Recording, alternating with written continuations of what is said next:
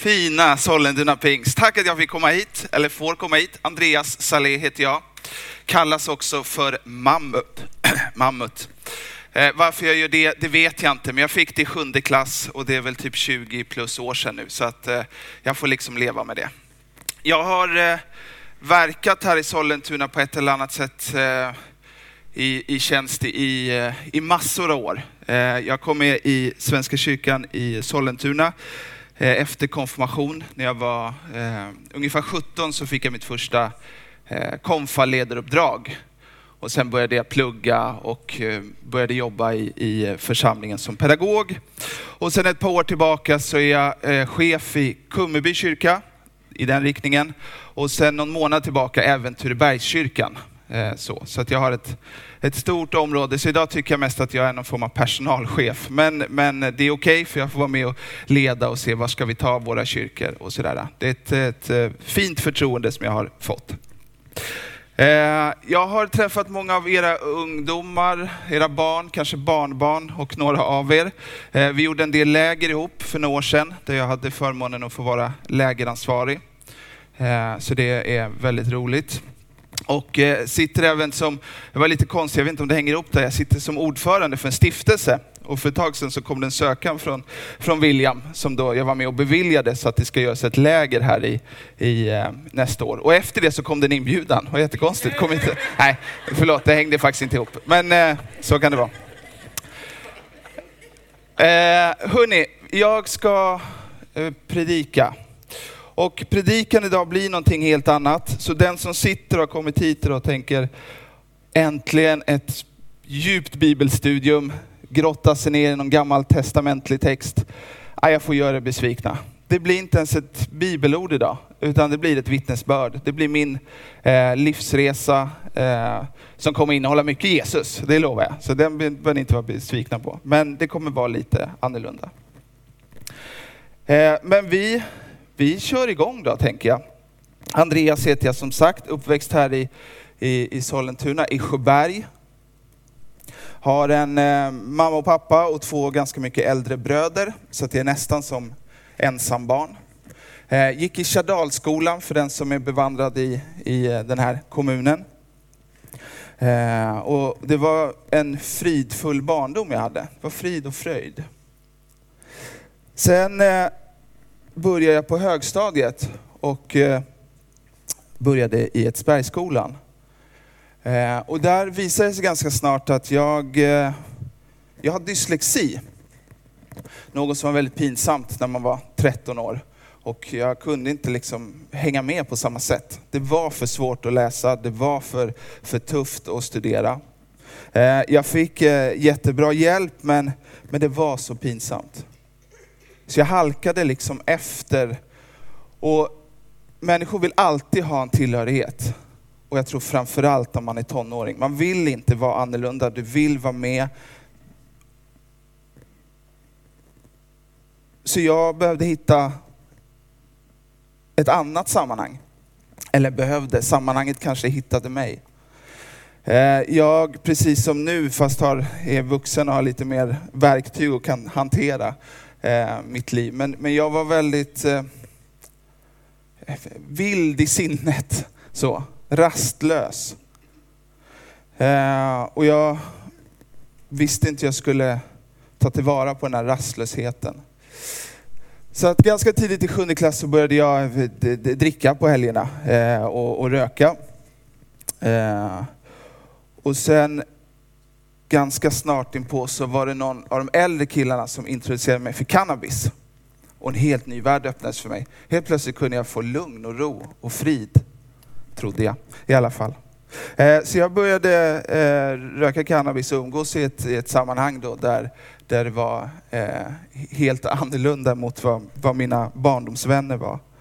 Eh, och jag började ganska snart också att, eh, att sälja droger Men jag gick i åttonde klass så sålde jag mycket droger för jag var liten och svensk och hette då Andreas Björk, ännu mer svenskklingande än vad mitt namn gör idag. Och de här äldre killarna såg att den här, han, kan ju, han är bra för oss. Han glider ju igenom nålsögat så att säga.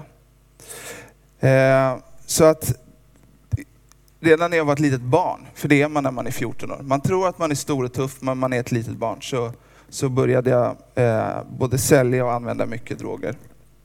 Och kom i olika sammanhang med graffitimålare och eh, ja, alla möjliga typer av killar mest som hängde liksom på utkanten. Och jag blev någon. Jag blev någon som fick respekt och jag fick status eh, och eh, jag fick vara med. Sen åkte jag på konfirmandläger som man gör efter åttonde klass, eller som väldigt många gör i alla fall. Jag har ingen, eh, ingen annan kristen bakgrund, men konfirmera sig ska man göra. Så det gjorde jag. Efter två dagar på detta läger på Gotland så kände jag, nej men gud vad tråkigt det här var. Det var bibelläsning, det var lekar, det var sånger. Nej men det var, det var inte alls vad jag ville. Men det fanns någonting på det här konfirmandlägret som 14-15-åriga mammut då, som han bara var, gillade det var ju söta tjejer. Och ration på det här lägret, som det ofta är inom kyrkan, så var det kanske 30% killar och 70% tjejer. Så tack de tjejerna födda 1985 som var på det konfirmandlägret, som fick mig att stanna kvar, för det var livsavgörande. Jag kom hem från det här lägret och det var egentligen inte så mycket mer med det. Jag hade eh, fått lära mig någonting, men som kändes så avlägset för mig och mitt liv. Men i och med det så började det ta en liten fot in i kyrkan. I det här fallet var det Edsbergskyrkan som ligger i den riktningen geografiskt. Eh, och folk där började säga till mig, du ska nog bli ledare. Jag? Jag ska absolut inte vara ledare. Vet ni vad jag håller på med? Men det var någon som trodde på mig och sa, men du ska bli ledare. Okej? Okay. Tänkte, hur ska jag kunna hålla isär det här? Men hösten där gick och jag hade börjat klass 9 och, och jag var en dag i veckan i kyrkan, berättade inte för någon annan, men jag var där en dag och verkligen mådde bra. Jag var sedd, jag var bekräftad. Men jag berättade såklart inte för någon annan, så vid det här laget så hade jag liksom tre omgängen jag skulle försöka hålla isär. Mina barndomsvänner som började bli oroliga för att jag höll på så mycket med droger. Mitt nya gäng av eh, bra folk som absolut inte var det. Och mitt lilla nya kyrkgäng. Hur ska det här gå ihop? Men sen vårt, eh, vårterminen i nionde klass så var det som vanligt. Vi höll på mycket med, med droger och det var fester och det var inbrott och det var eh, ja, men alla möjliga saker. Saker hade eskalerat väldigt snabbt. Jag är bara 15 år. Jag är liten, man är ett barn. Eh, så har vi en fest. Vi är massa killar och massa tjejer, så har vi en fest och vi håller på där, knarkar hela natten och, och eh, sen morgonen efter är vi, är vi tio stycken kvar där i den här lägenheten. Och då bestämmer vi oss för att vi ska eh, göra ett inbrott hos grannen. Så vi alltså ser framför ett, ett lägenhetshus, vi är högst upp i huset och eh, vi får för oss att vi ska göra inbrott hos grannen. Det är ju ganska dumt. Alltså det är dumt på flera sätt såklart, men det är så här, vem har gjort det här? Så, så att en, en, eh, en kompis till mig, Eh, han, han hoppar över balkongen. Han är ju fortfarande påtänd, så det är livsfarligt. Från en balkong högt, högt upp till en annan och så hör jag så att det smäller mot glasrutan. Bam! En gång. Jag tänkte, det här, det här är kört. Jag sticker nu. Två gånger smäller och så tredje gången går det här fönstret sönder. Och så går det så här fort och så öppnar han upp eh, ytterdörren och så genomför vi alltså Mellansveriges taffligaste inbrott. Alltså det här är liksom tio stycken, nio stycken tonåringar som vi rafsar runt där. Vi får med oss, det fanns någonting förut som hette rikskuponger. Eh, då kunde man äta för om man lämnar dem så här. Så vi fick med oss ett häfte och en gammal bergsprängare från 80-talet. Så. Tillbaka in i lägenheten så står han i fönstret och tittar. Då ser vi att det rullar upp en, två, tre, fyra polisbilar. Och tänker jag, nu är det kört. Och det stormar ut och det är med dragna vapen och upp i den här eh, uppe i, i trapphuset. Och, och jag får för mig så att jag ska gömma mig under sängen. Och min kompis han säger, nej men det går inte. Du kan inte gömma dig under sängen, det är kört. Eh, och polisen knackar på så vi låtsas då, så alla så här klär av sig som att vi ligger och sover. Så, det är idiotiskt idag, men, men då tyckte vi att det var en lysande idé. Men i alla fall, jag får då för mig att jag ska gömma mig på toaletten. Så jag sätter mig på toaletten, låser dörren och tänder lampan. Mm. Och där sitter jag och vet att nu är hoppet ute. Nu är det kört. Vad ska min mamma säga? Vad ska min pappa säga? Vad ska de som jag lärt känna i kyrkan säga? Och då någonstans, då kommer det till mig liksom första gången på riktigt. Ja men du har ju fått någonting nu som du aldrig har provat förut på riktigt. Det är att be. Så min första liksom riktiga bön till Gud, det är en kohandel. För jag ber så här. Gud, om du hjälper mig nu så ska jag förändra mig själv och hjälpa andra. Alltså vi skulle göra en deal, för det var ju det jag kunde. Så, Gud, om du hjälper mig nu så ska jag förändra mig själv och hjälpa andra. Om och om igen. Tack snälla. Så där sitter jag alltså på en toalett med tänd lampa och låst dörr och ber Gud om du hjälper mig nu så ska jag förändra mig själv och hjälpa andra. Efter en stund så kom jag på att jag både ska släcka och, eh, och låsa upp dörren. Så. Sen händer någonting otroligt. Eh, poliserna radar upp alla andra i lägenheten, gör förhör, griper alla, tar med sig alla och kvar sitter jag, ensam. Så jag öppnar dörren, tar på mig mina skor, går därifrån, eller jag går knappast, utan du vet, du vet så här, på våren när man släpper ut kalvarna, jag studsar ju därifrån. Av någon form av, av glädje. Och, och alla andra sa, hur, hur gick det där till? Hur klarade du dig? Och jag, jag, alltså jag har aldrig tänkt så att, att Gud lät mig på något sätt slippa undan någonting. Jag tror att han hade en annan plan för mitt liv. För det som hände sen var att den här känslan, den tog verkligen tag i mig. Ja men du har ju lovat någonting. Här, här vart du hjälpt och då lovar du att du ska förändra dig själv och hjälpa andra. Det tog några år till. Eh, det vart faktiskt ännu, ännu värre på flera sätt. Men, men på något sätt så låg den här känslan hela tiden i mig att jag inte ska utsätta andra i alla fall. Så att successivt slutade jag sälja droger men höll på själv. Förstår jag, kohandlade med mig själv på något sätt där. Eh, och det som vart ännu mer på gymnasiet var ju, var ju våld. Och eh, fick, jag var inte så himla stor då, så det var ett par killar var med så här, du måste bli stor så att du kan försvara dig. Så då, då var det en tid av anabola och, och eh, så, för att bli stor och stark. Så att det har eh, varit en, var en tonår också mycket präglad av, av våld. Men i alla fall så, kyrkan tog mer och mer plats i mitt liv även Gud såklart. Men, men för mig var det då viktigt att ha en fysisk plats att kunna komma till. Så kyrkan fick mer och mer av min tid och det andra försökte jag mer och mer släppa. När jag var, eh, minns inte exakt på dagen, men en dag så bestämde jag mig att nu får det vara nog. Jag hade gjort en resa till Amsterdam och gjort ting, allt som man kan göra i Amsterdam, där säkert många av er vet att det är lagligt med droger. Kom hem därifrån och kände nej, nu får det vara nog. Eh, de här eh, killarna som var med här i lägenheten var ju ett startskott på, åt, ursäkta ordvalet i kyrkan, åt helvete. För det var faktiskt det det var. Eh, några av dem lever inte idag. Eh, någon åkte ganska snart in på ett långt fängelsestraff på Hall och sådär. Eh, och, och, och, nu idag har det gått så lång tid så mår ju några av dem bra. Men, men det vart verkligen startskott åt helt fel håll. Och för mig vart det en riktning mot kyrkan, mot ett liv eh, av någonting annat. Så när jag kom hem från den här resan, då, då, då, då la jag av. Och var det lätt? Ja. Eh, när jag föreläser för ungdomar brukar jag inte ens nämna det för att jag vill inte romantisera på något sätt att det var enkelt. För mig var det inte så svårt, för jag hade kyrkan, jag hade hittat, Jesus hade hittat mig och drabbat mig, gripit tag i mig. Eh, så att jag hade verkligen någonting, en famn att falla in i. Så. Jag ska avsluta med två stycken ögonblicksbilder. Jag var i Portugal, eh, året var 2004, det var fotbolls-EM där. Så hade jag fått eh, eh, biljetter till finalen eh, mellan, ja, vad nu var, Grekland, Portugal tror jag det var. Eh, så bodde vi på ett, eh, ett, ett vandrarhem eh, högst upp i ett hus. Och så hade vi varit ute på kvällen och druckit och rökt. Och, ja. och så kom vi hem och så var jag så ofantligt kissnödig.